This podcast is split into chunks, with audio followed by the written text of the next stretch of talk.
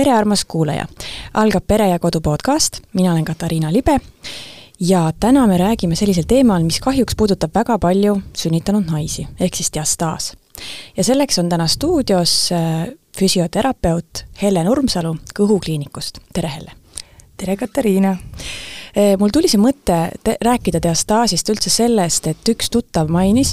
et eh, temal oli diastaas ja ta tegelikult ei leidnud selle kohta infot mitte kusagilt ja siis ta mainis, et tal üks eh, sõber õppis treeneriks ja tema treeneriõppe käigus ei räägitud ka üldse diastaasist. ja siis tema oli igal juhul seda meelt, et sellest räägitakse liiga vähe. kuidas sina tunned?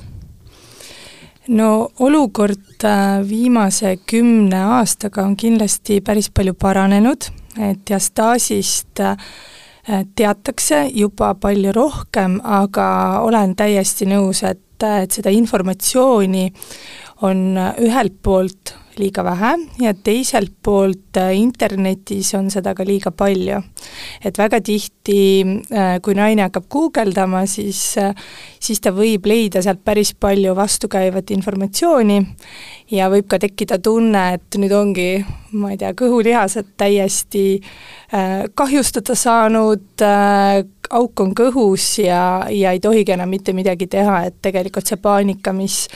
mis sellest infoküllusest võib ka tulla, on, on omamoodi teema, millega on vaja tegeleda, nii et igal juhul äh, see on väga oluline teema, mis puudutab väga paljusid sünnitanud naisi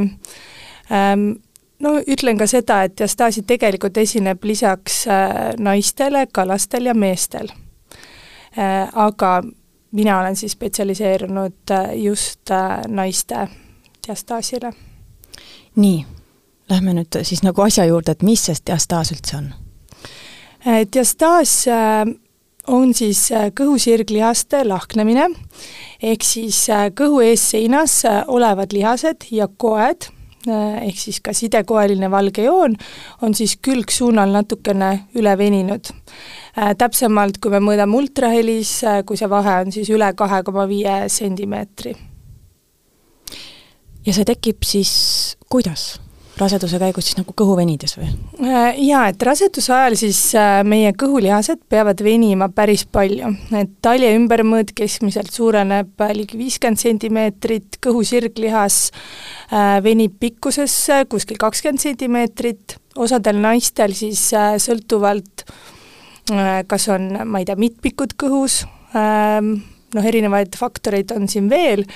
hakkab see lihas venima ka külgsuunas et mingil määral on see normaalne. et kõhulihased ongi meil raseduse ajal loodud venima, et seda ei pea nagu kartma,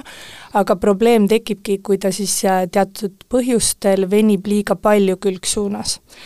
ähm, noh, osad teadusuuringud ütlevad, et raseduse lõpus on siis sajal protsendil naistest teatav lihaste vahe, ehk siis noh, põhimõtteliselt nagu diastaas, ja see siis on ju äh,, taastub äh, sünnitusjärgselt iseeneslikult päris paljudel, aga tänasel hetkel on ka teadmine, et äh, ligi kuuekümnel protsendil jääb siis diastaas ikkagi ka sünnitusjärgselt püsima. kas diastaasi saab kuidagi ennetada? Äh, no mina olen küll seisukohal, et tegelikult ähm, seda on võimalik ennetada äh,, tean seda ka enda kogemusest äh,, ja kõige olulisem, mida siis naine saab enda jaoks teha, ähm, on esiteks olla kehaliselt aktiivne juba enne rasedust, aga ka raseduse ajal. Äh, teadusuuringud näitavad, et äh, füüsiliselt aktiivsed naised äh, mm, neil diastaasi esinemissagedus on väiksem ja nad taastuvad sünnitusjärgselt ka kiiremini mis on veel väga oluline, on ikkagi raseduse ajal hoida kehakaalu tõusu siis kontrolli all. et äh, mina näen oma vastuvõtul ka päris palju naisi, äh, kes tulevad, neil on kõhuseinad pärast sünnitust tugevalt üle veninud ja jutu käigus tulebki välja, et nad on kaalu võtnud juurde üle kahekümne kilo, et siis sellisel juhul noh, naine distsipliiniga kaalu saab ikka tagasi äh, pärast sünnitust, aga see mõju äh, kõhulihastele äh,, kudedele, nahale on ikkagi märkimisväärne, et kui me võrdleme, kas naine võtab seal kümme kilo juurde või kakskümmend kilo, et see erinevus on ikkagi väga suur. Ja sellisel juhul ähm, äh, lisaks äh, diastaasile on väga tihti probleemiks ka juba üleveninud nahk, et, äh, et mis tegelikult esteetilises mõttes äh, naisi ju häirib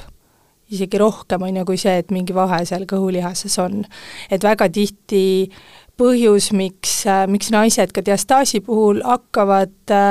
üldse abi otsima, on ju tegelikult esteetiline. Et kõht ei ole enam selline, nagu ta oli ennem, kõht ei tõmbu tagasi pärast sünnitust, kehakaal on võib-olla tagasi see, mis mis oli enne rasedaks jäämist, aga kõht on punni sees või et kõht hommikul on täitsa ilus lame, aga õhtuks siis võlvub tugevalt ette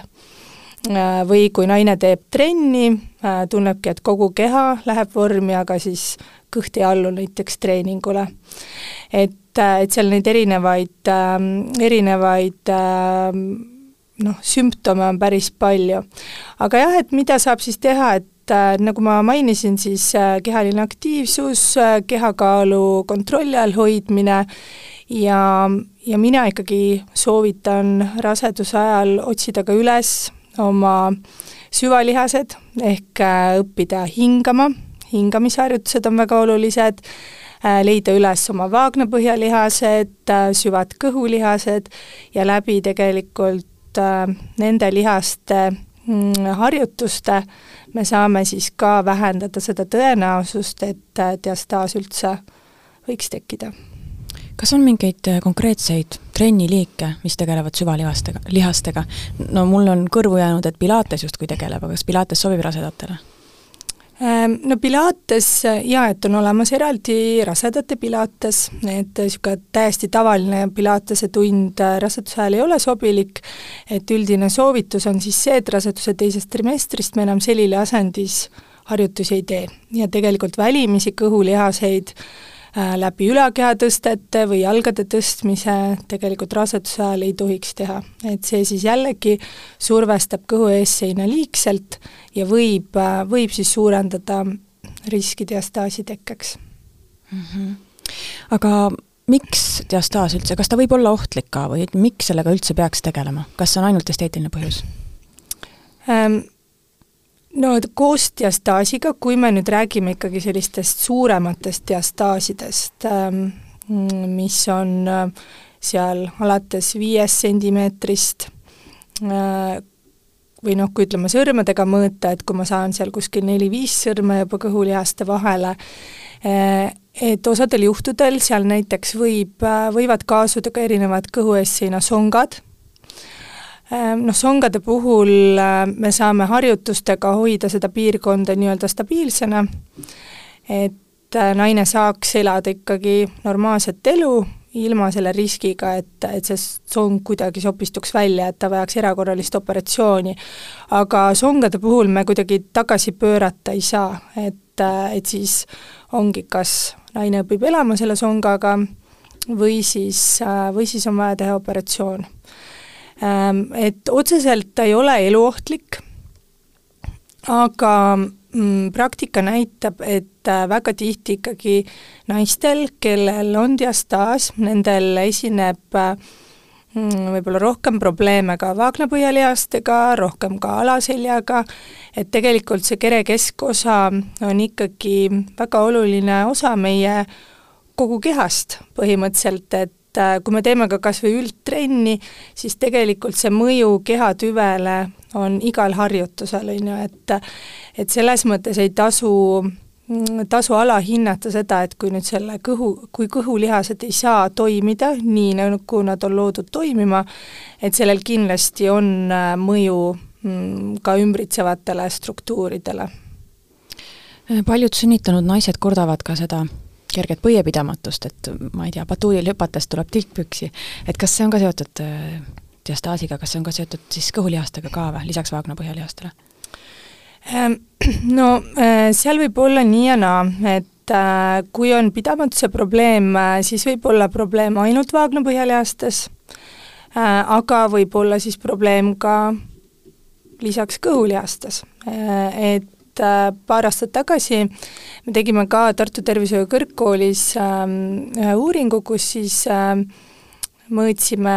äh, ligi kahesajal naisel vaagnapõhjalihast aktiivsust ja hindasin ka diastaasi. Ja sealt tuli ka välja, et, et osadel naistel esineb äh, pidamatust äh, sellises kombinatsioonis, et vaagnapõhjalihased on tegelikult hästi funktsioneerivad aga ei ole siis äh, nii-öelda koostööd kõhu ja vaagnapõhjalihaste vahel. ehk siis tegelikult sellised äh, probleemid võivad olla mõnes mõttes ka nagu funktsionaalsed, et äh, et kehatüve mm, lihaste omavaheline koordinatsioon on võib-olla häirinud, et häirunud, et alati ei pruugi olla probleem selles, et nüüd see lihas on ise saanud väga kahjustada, et, et tegelikult neid erinevaid nüansse on päris palju ma saan aru, et diastaas siis tekib sellise nagu kiire venimisega või kiire kaalukasvuga, et ütleme, et kui ka mingil, ma ei tea, kas mis iganes ravimite kõrvalmõjul inimene võtab äh, hästi kiiresti mõne kuuga väga palju juurde, kas siis on samamoodi oht diastaasi tekkeks? jaa, absoluutselt. Ähm, noh, on välja toodud, et kui me nüüd ei räägi puhtalt nagu sünnitusest või ütleme, rasedusest, äh, siis äh, soodustav faktor võib olla ka näiteks krooniline köha kõhukinnisus, äh, mis, või siis näiteks kui töös, ähm, töö iseloom on selline, et on vaja väga palju raskusi tõsta. Mm.. et, äh, et need on sellised ähm, ütleme, soodustavad faktorid, mis, mis ei ole otseselt seotud rasedusega. kui nüüd rääkida raseduse, rasedusest, mm, siis nagu ma mainisin, et üks suur riskifaktor on mitmikud, siis lisaks sellele kui äh, lapse mm, kaal on väga suur, ehk siis on väga suur loode, äh, samamoodi äh, kui mis iganes põhjusel on tekkinud looteveeliig emakasse. seda naine ei saa kuidagi isegi ise kontrollida, isegi mitte. On välja toodud ka soodustavate faktoritena näiteks naise vanus üle kolmekümne nelja eluaasta ja ülekaalulisus, äh, minu praktika muidugi näitab, et tegelikult diastaas esineb päris palju just äh, sellistel väga saladatel naistel. sellepärast, et kuskile peab see beebi ju sinna kõhtu ära mahtuma, et, et kui tänasel hetkel äh, looted on väga tihti või ütleme, lapsed vastsündinud on seal ligi neli kilo ja naine on ise väike, niisugune pisike peenike et siis väga tihti ikkagi see kõhulihas äh, on pidanud liiga palju venima külgsuunas. ja no mis, äh, mis minu silmis üks suurimaid, ähm, suurimaid niisuguseid faktorid on, mida ma ise tahaksin, tahaksin kõige enam muuta, on ikkagi korduvsünnitajad. et äh, kõige rohkem on minul endal äh, kahju naistest, ähm, kes tulevadki vastuvõtule näiteks pärast teise lapse sündi ja neil on väga tüüpiliselt see lugu selline, et pärast esimest last kõik taastus iseeneslikult. noh, mitte mingeid probleeme ei olnud, kõht tõmbus tagasi, kuskilt ei valutanud äh,, ei lekkinud, null probleemi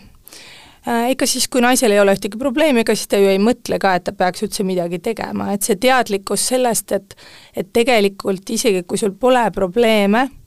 me peaksime ikkagi taastama oma keha ära äh, rasedusest, sünnitusest, see on ikkagi pigem, äh, pigem madal. ja pigem tegelevad selle taastamisega nii-öelda naised, kellel on ikkagi mingid probleemid, on ju.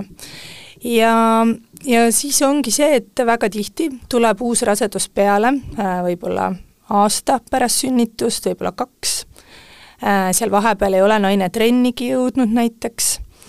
ja, ja siis ta hakkabki otsima äh, lahendusi pärast teise lapse sündi, kus see olukord on nüüd juba hoopis teine. Kus siis väikse vahega on sünnitatud näiteks kaks last ja pärast teist last ongi siis see olukord selline, et kõht on juba ees, ei tõmbu tagasi,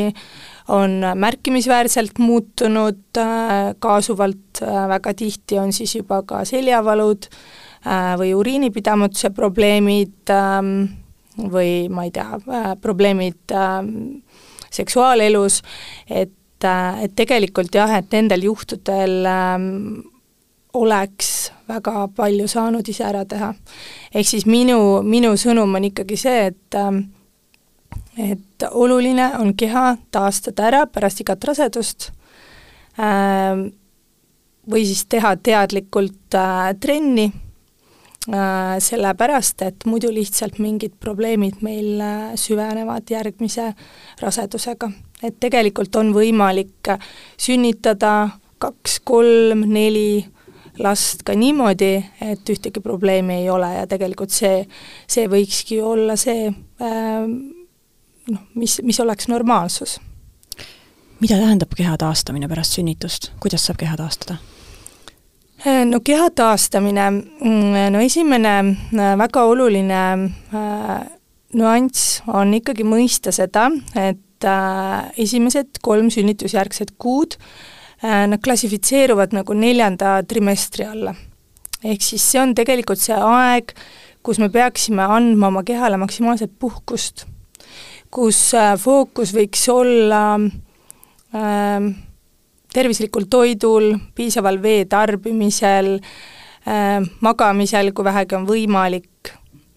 liikumisel vastavalt enesetundele, et hästi oluline on oma keha kuulata, et kui ikkagi varajasel perioodil äh, tekib tunne, et tahaks minna, ma ei tea, kaheks tunniks jalutama, aga kui sellega hakkab vaagem valutama või selg valutama või tekib, ma ei tea, jalge vahele niisugune raskustunne, Äh, siis need on kõik märgid selleks, et su keha ei ole veel selleks valmis. et need esimesed kolm kuud ei ole kindlasti see periood, kus peaks nüüd hakkama kiirelt oma vormi taastama. et pigem ikkagi nautida seda aega äh, beebiga ja, ja võttagi seda kui sellist taastamist äh,. Ideaalis äh, mina soovitan äh, esimesel kahel kuul äh, toetada kõhu ära ka tugivööga Äh, just sellel eesmärgil, mm, et kõhulihased on sünnitusjärgselt väga nõrgad ja tänapäeva naised ikkagi mm, on aktiivsemad, ehk siis nad tahavad äh, suht varakult äh, käiagi kõndimas äh,, võib-olla on äh, kodus ühe-kaheaastane, keda on vaja süles kanda, et et, äh, tegelikult see tugivöö aitab hoida äh, kehatüve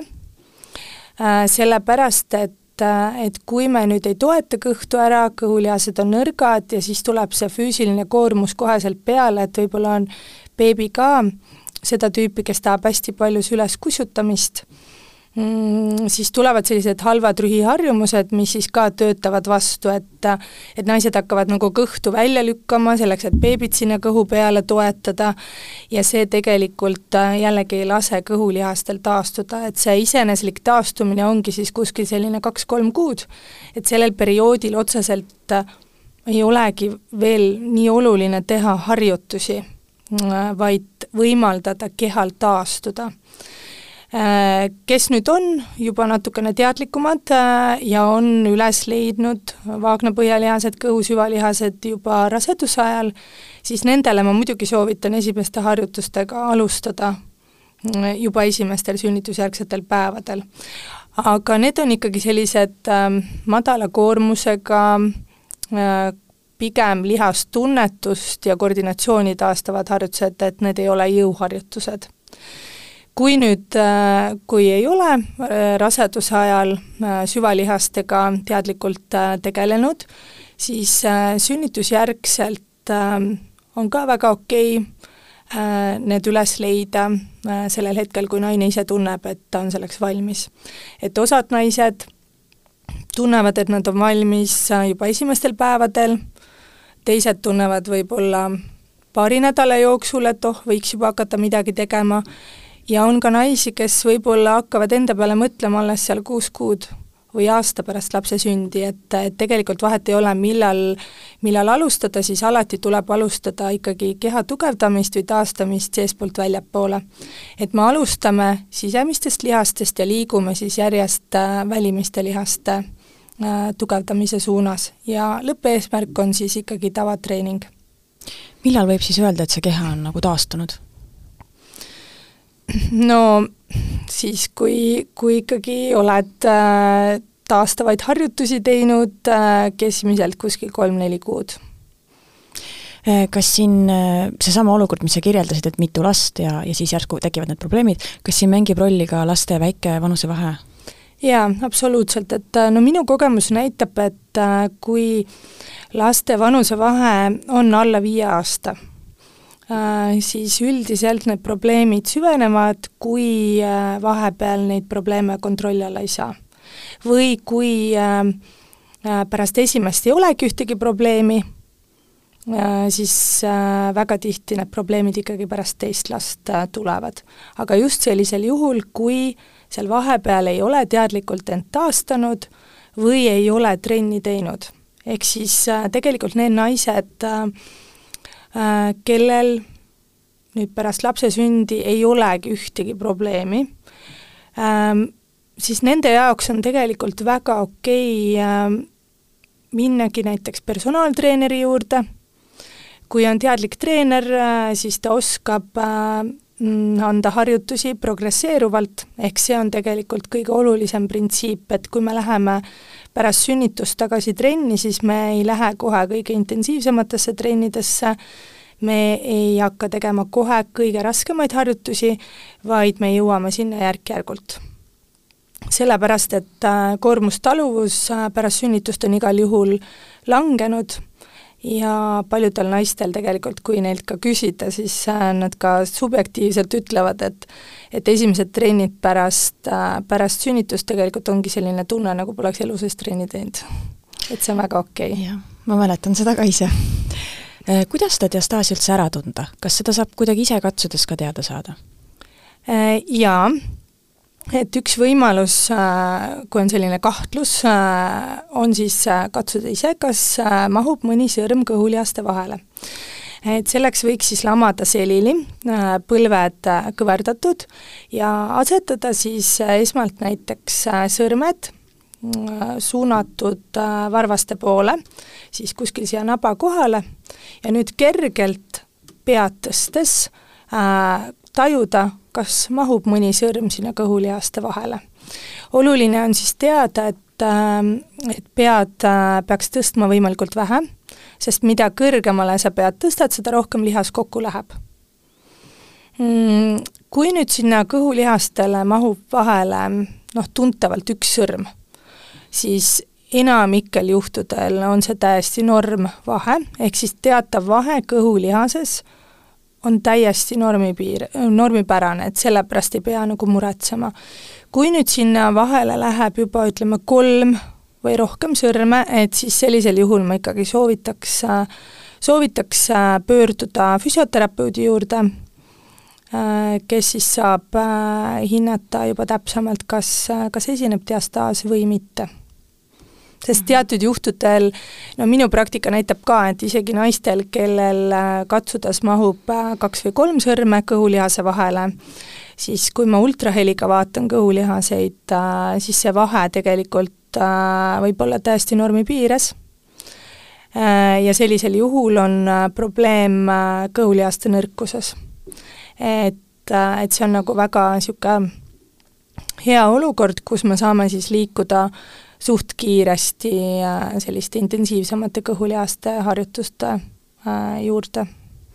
nii, aga kui meid kuulas naine, kellel pole ühtegi terviseprobleemi, kõik on suurepärane, nüüd ta katsus ja sai teada, et tal on siin päris suur vahe, siis mis see põhjus on, sa küll natuke enne rääkisid, aga mis see põhjus on ikkagi, mille pärast tasuks ikkagi nagu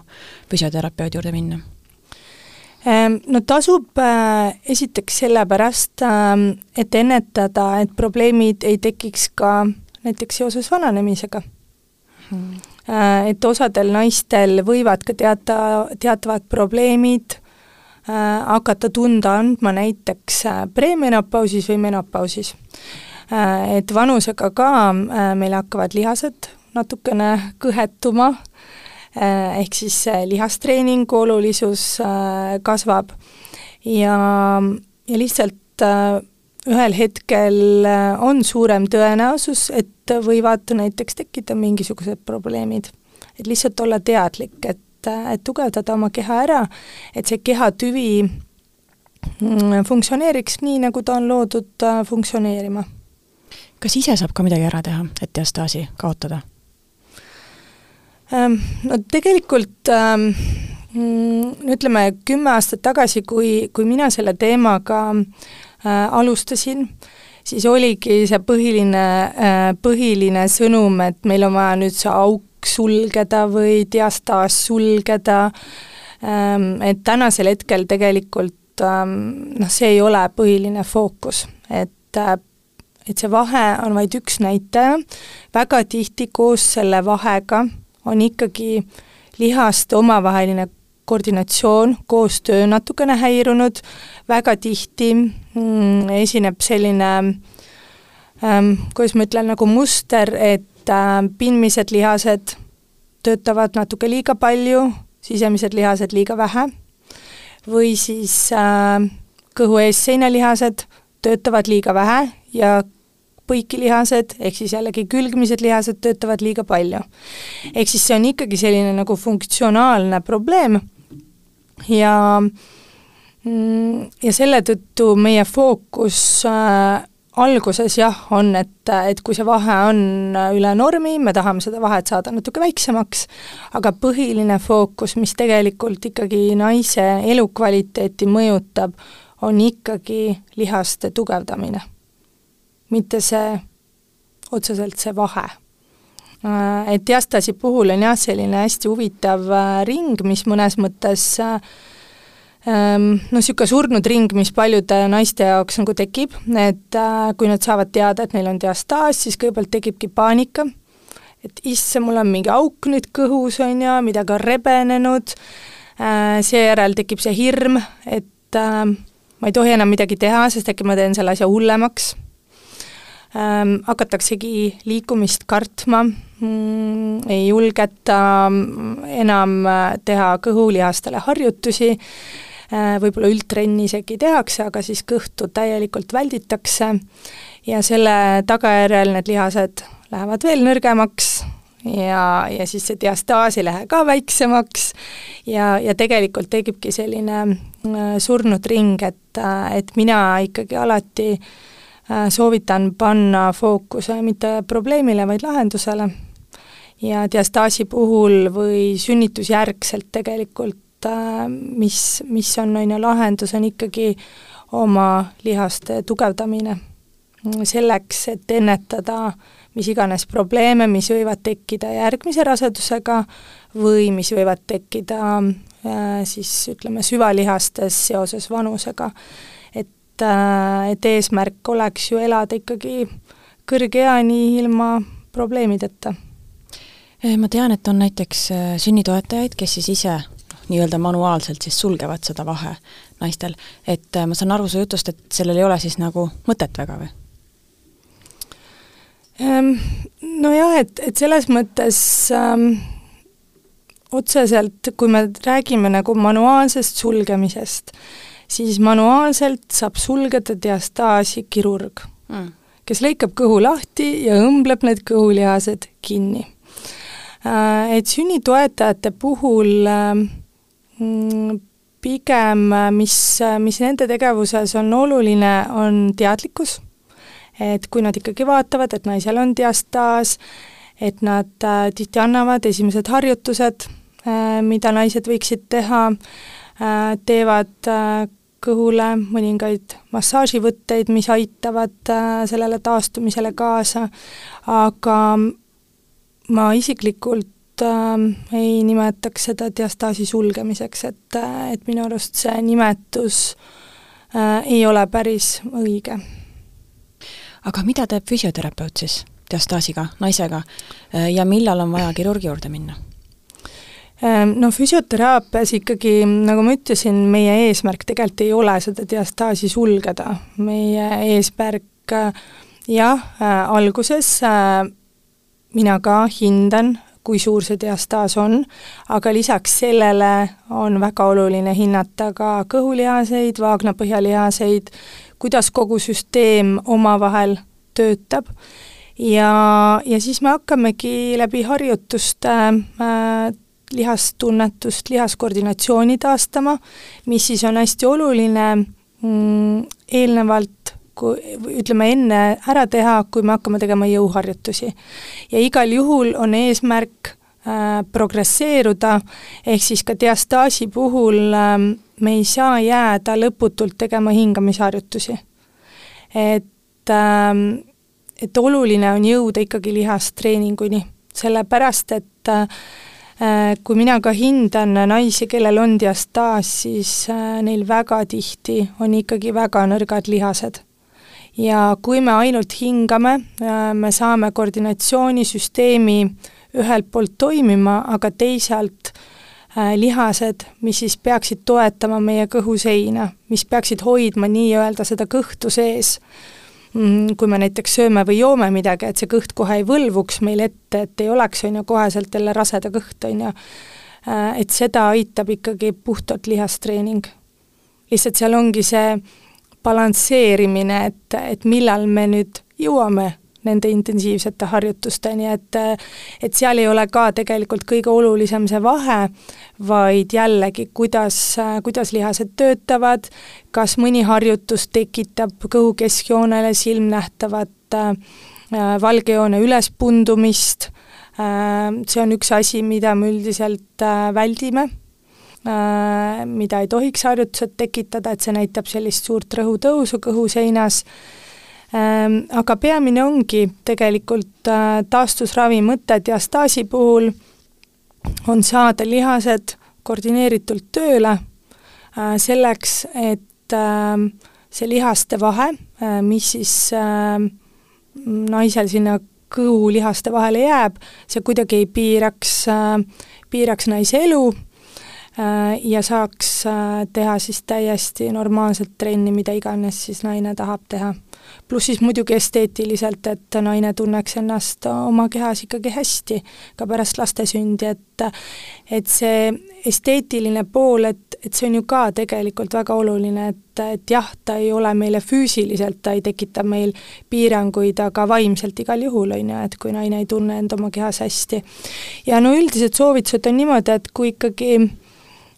kuskil ühe aastaga ei saa äh, lihaseid äh, funktsioneerima, et, et sellisel juhul on näidustatud operatsioon mm. -hmm. aga kui nüüd ikkagi siis tulla füsioteraapiasse, siis äh, ma saan aru, et sa näitad harjutused ette, mida siis hiljem kodus järgi teha, jah? jah, regulaarselt. mitu korda siis naine peaks käima keskmiselt? no äh, ütleme, keskmine taastumisperiood äh, on kuskil kolm-neli kuud ehk siis mina alati äh, soovitan naistele arvestada, et kui hakkate trenni tegema, siis äh, ühe kuu pärast äh, teile endale võib tunduda, et olete juba väga kaua trenni teinud, et olete juba põhimõtteliselt ära teeninud selle ideaalse keha ja siis tekib see motivatsioonilangus, et miks nagu ikka mul on need probleemid, on ju, et tegelikult on ju minimaalne aeg on kolm kuud, enne seda üldse ei tasugi nagu hakata mõtlema, et kas asi toimib või ei toimi, on ju. et et, äh, et ütleme, minimaalne aeg kolm kuud ja me ei saa lõputult teha ühtesid samasid asju, on ju, et selle tõttu äh, on seda kordusvisiiti vaja, et kui naine tuleb esimest korda, siis väga tihti on hingamisharjutused väga rasked neile. Äh, Nad on nagu vaimsel tasandil väga rasked, äh, et tekibki see tunne, et keha ei kuule üldse sõna, et, et tegelikult on ju nad teadlikult mõtlevad, et issand, see pole üldse raske asi, miks mul see nii raskelt nagu tuleb, et et miks ma ei saa sellega hakkama, et et selle tõttu me jah, alguses alustame hingamisharjutustest ja, ja alustame ka sellest, et leida juba üles oma vaagnapõhjalihased, mis, mis on ka väga tihti, on ju, probleem, et et naised tulevad näiteks minu juurde oma kõhuprobleemiga ja siis, kui ma küsin nende vaagnapõhjalihaste kohta, siis väga tihti selgub, et seal on ka mingid probleemid ja vahel me hoopis alustame vaagnapõhjalihastest, on ju, sellepärast et et kui vaagnapõhjalihased on äh, väga nõrgad, äh, või esineb vaagnapõhjaga probleeme, äh, siis see ka mõnes mõttes nagu piirab seda, kui intensiivselt me saame kõhulihaseid treenida. et nõrga vaagnapõhja lihastega me ei saa teha väga intensiivseid kõhulihase harjutusi, sest siis me hakkame vaagnapõhja survestama ja nõrgestama, ehk need vaagnapõhja probleemid võivad veelgi enam nagu süveneda. nii et äh, igal juhul tegelikult vaagnapõhjast on vaja alustada ja seeläbi siis äh, tegelikult liigumegi järjest intensiivsemate harjutuste suunas ja selle tõttu, kui esimesel korral äh, enamikel juhtudel me teemegi tegelikult hingamisharjutusi äh,, tihti ma kasutan ka erinevaid äh, manuaalseid võtteid, kuidas äh, diafragmat äh, vabastada, mis ka tekitab teatavaid probleeme kõhuseinas ähm,, siis äh, järgmisel korral me teeme juba kõhulihase harjutusi. et, et hästi naljakas on äh, ühelt poolt see, et, et vahel naised tulevad esimene kord vastuvõtule, siis neil on trenniriided seljas, siis me ainult hingame ja siis nad järgmine kord tulevad kleidiga. noh, et siin ju ainult hingatakse, on ju, ja siis ma alati ütlen, et no vot, nüüd oleks need trenniriided ära kulunud, sest et äh, pikalt me ikkagi ei hinga, et, äh, et oluline on ikkagi hakata neid lihaseid ära väsitama, et kõhtu muidu vormi ja tugevaks ei saa ja kui need harjutused siis kätte saada, siis neid, kas neid tuleks siis iga päev kodus teha? Ähm,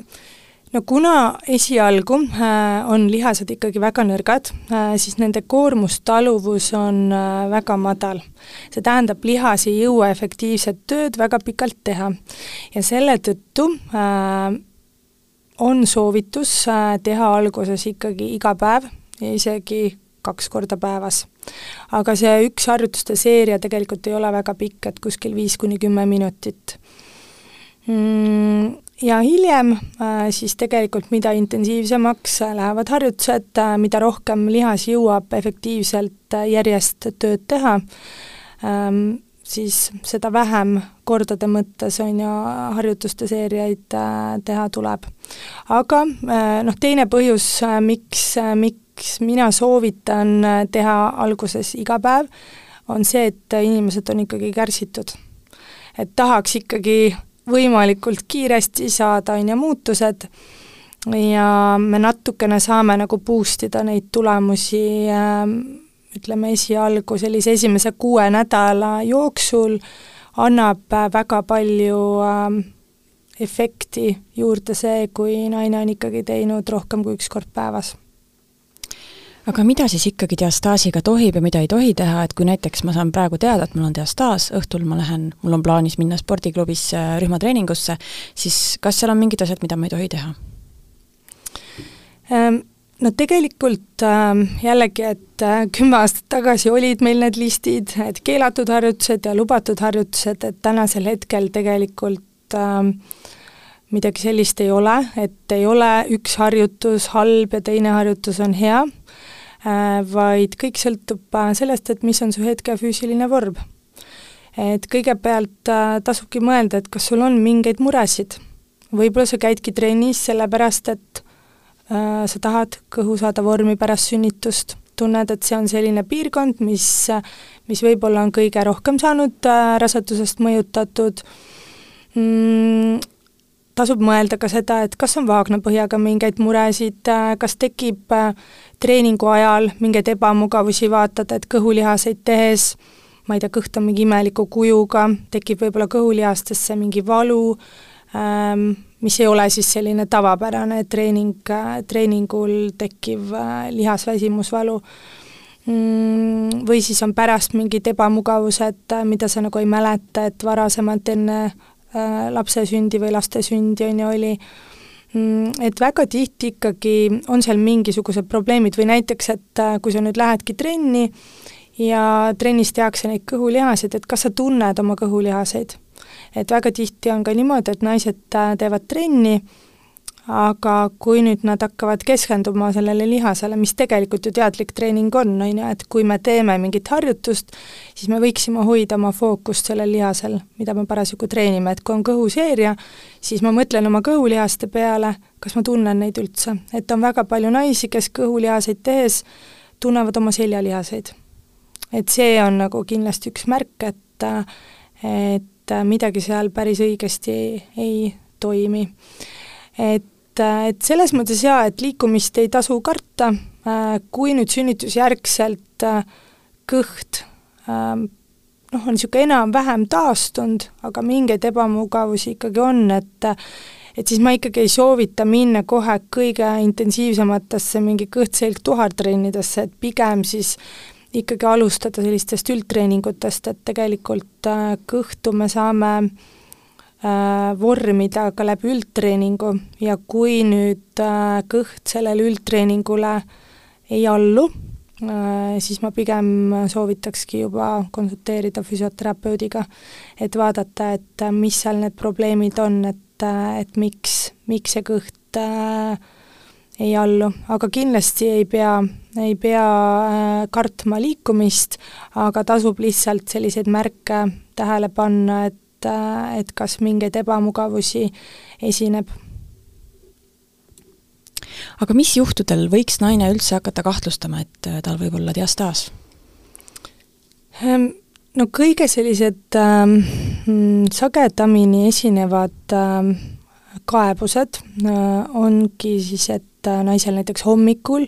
on kõht äh, täitsa lame ja õhtuks läheb kõht punni, nagu oleks uuesti rase. Või siis näiteks sünnitusjärgselt kaal on sama, mis oli enne rasedaks jäämist, aga kõht on ees. või et naine teeb trenni, kogu keha läheb vormi, aga kõht ei lähe vormi ja noh, muidugi siis osadel juhtudel äh, on ka silmnähtavalt diastaasi näha, et sellel samal äh, testil, kui nüüd selili lamada ja tõsta siis selili asendis ülakeha, äh, siis võib näiteks näha, et kõhu keskjoonele tekib selline nagu ülespundumine, osadel tekib täitsa kolmnurk või niisugune nagu muna, Äh, et sellisel juhul suure tõenäosusega on tegemist diastaasiga või siis äh, sellistel väga saledatel naistel, kellel on kõhu peal väga vähe rasvkudet, võib ka selline silmnähtav nagu auk tekkida kõhtu. nagu oleks auk, aga ei ole mingit auku. Et need on äh, sellised võib-olla kõige, kõige sagedamini esinevad äh, sümptomid mm. -hmm. nii, ja kui need harjutused siis kätte saada, kas neid tuleb teha terve elu? Äh, ei, kindlasti mitte, aga terve elu võiks olla füüsiliselt aktiivne ja teha trenni. et mina võrdleks äh, diastaasist taastumist mõnes mõttes äh, põlveoperatsiooniga, et kui käia põlveoperatsioonil, siis mingi periood on vaja ka teha sellele põlvele spetsiifilisi taastusraviharjutusi, aga ühel hetkel sa ikkagi teed oma tavatrenni, elad oma tavalist elu, lihtsalt sa tead, et okei okay,, see on sul opereeritud põlv, sa natukene ikkagi arvestad temaga ja samamoodi siis äh, naised äh, võiksid õppida äh, teadlikku treenimist äh, juba selleks, et arvestada mm, lisaks kõhulihastele ka oma vaagnapohjalihastega, on ju. et äh, mulle meeldib nagu mõelda ka, et äh,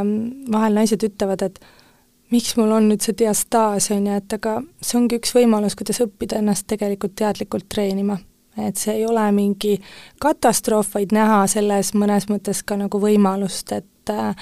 et teadlikult treenides trennid muutuvad tegelikult kordades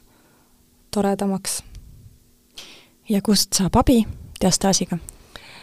kuna ikkagi kõht ja vaagnapõhi on omavahel äh, Äh, väga tugevalt seotud, äh, siis ma soovitaksin äh, pöörduda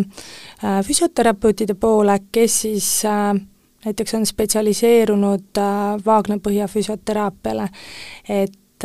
et nemad kindlasti oskavad siis aidata ka diastaasi puhul ja kontaktid saab leida siis Eesti Füsioterapeutide Liidu lehelt mm. -hmm. ja lõpetuseks küsin seda, et sina töötad kõhukliinikus, eks ole, kui kaua teie olete diastaasiga naisi aidanud? Äh, kõhukliinik äh, saigi siis loodud äh, nüüd juba üle kümne aasta tagasi ja tänasel hetkel siis vastuvõtte ma teen Confidos nii Tallinnas kui ka Tartus.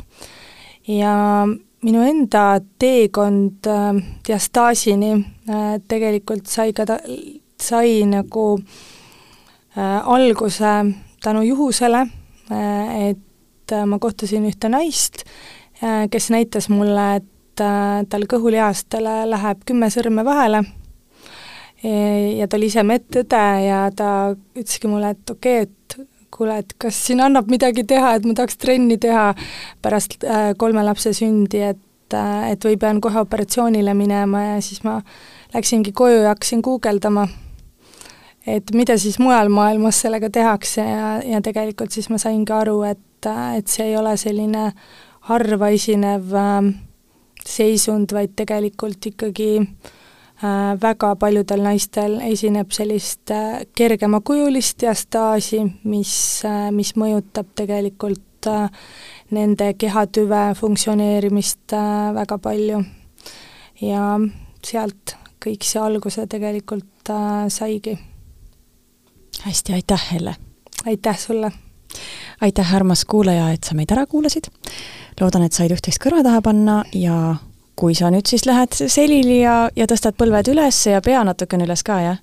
Põlved kõverdatud, aga tallad jäävad ikka maha mm. -hmm, hästi, ja pea natuke üles mm. -hmm. ja siis katsud, mitu sõrme sul sinna kõhulihaste vahele läheb, läheb. kui sulle tundub, et on diastaas, siis tasuks ühendust võtta füsioterapeudiga. just mm. -hmm. hästi. järgmine saade on meil üleval nädala pärast